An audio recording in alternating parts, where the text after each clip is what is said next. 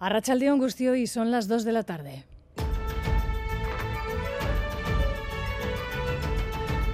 Crónica de Euskadi con Aichiber Bilbao.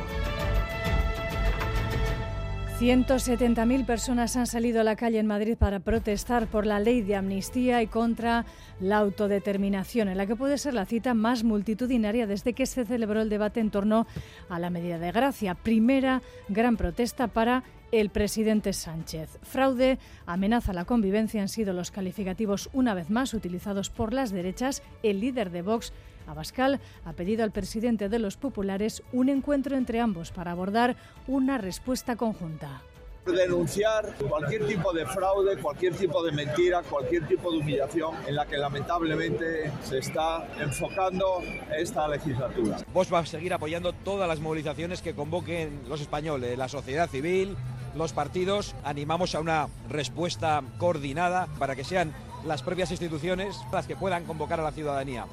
La derecha que se conjura contra esta afrenta, dicen, cita también contra la amnistía en la capital navarra.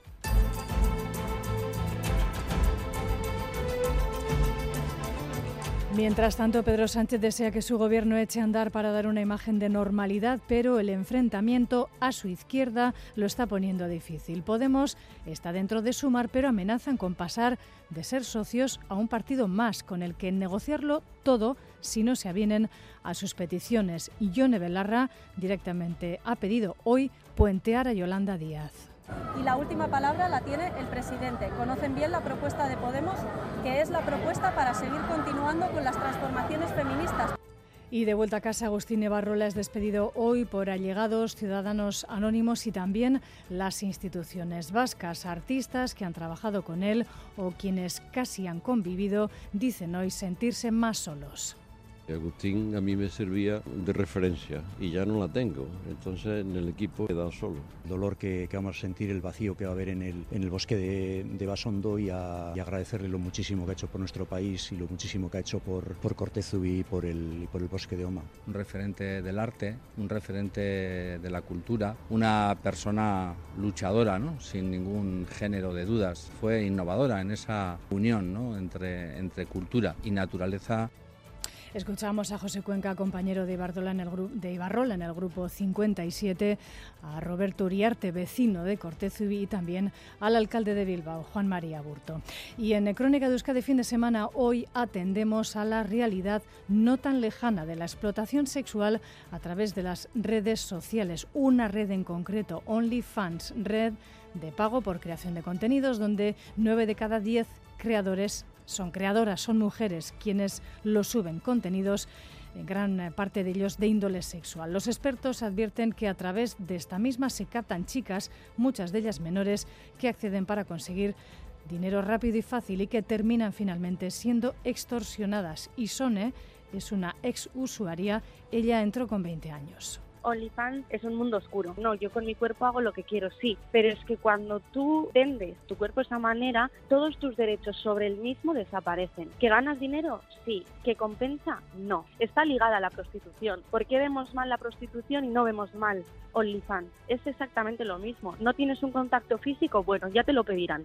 Hoy, 18 de noviembre, se celebra precisamente el Día contra el Abuso, la Violencia Sexual y la Explotación de las y los menores. Titular deportivos de la jornada, John Hernández, Arracha León. Arracha León, tenemos parte médico de la lesión de Mikel Oyarzábal, es una lesión en el bíceps femoral izquierdo. El jugador ha iniciado un tratamiento de fisioterapia, no hay una fecha concreta o segura para su regreso, informa la Real Sociedad. En la Liga F, la Real se mide al Sevilla a partir de las 4 de la tarde, a las 6 y media será el turno de Leibar, que recibe al Sporting de Huelva, y a las 8 y media de la tarde jugará el Athletic en Valencia. En segunda división masculina, duelo importante esta tarde para la Morevieta, que recibe al Tenerife a las 6 y media. Mañana será el turno de Leibar, que visita al Oviedo a las 4 y cuarto de la tarde. En Euroliga, victoria noche del Vasconia en el Astrobal de Billerman, vencieron al Asbel por 81 a 88. Hoy en la Liga Femenina Endesa juega el IDK Euskotren, las de Azumuguruza reciben al Jairis a las 6 de la tarde. En balomano, triunfo del Vidasoa Irún ante la de Mar León por 31 a 27. Anoche en Ardalecu y en Cesta Punta, Erquiaga y Vázquez derrotaron anoche a Gorka y Goico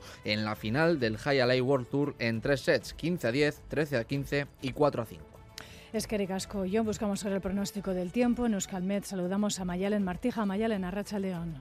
Arracha León.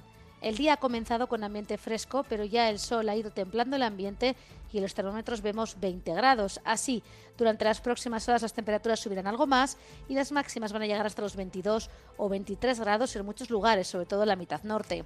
El cielo no estará totalmente despejado, pero las nubes que aparecen son muy finas que no van a impedir que el sol predomine. Así que la tarde será soleada con temperaturas muy suaves. Y mañana todavía el tiempo aguantará. Por la mañana el sol predominará y las temperaturas, aunque no tanto como hoy, subirán hasta rondar los 20 grados. Eso sí, a partir de la tarde comenzará a aumentar la nubosidad y de cara al lunes llegará el cambio. Las temperaturas bajarán notablemente y lloverá sin incidentes en nuestra red de carreteras en este momento. Reciban un saludo de las y los compañeros de esta crónica de Euskadi fin de semana que en el control técnico coordinan Asier Aparicio y Joseba Urruela, las 2 y 6 minutos de la tarde. Comenzamos. Crónica de Euskadi con Aichiber Bilbao.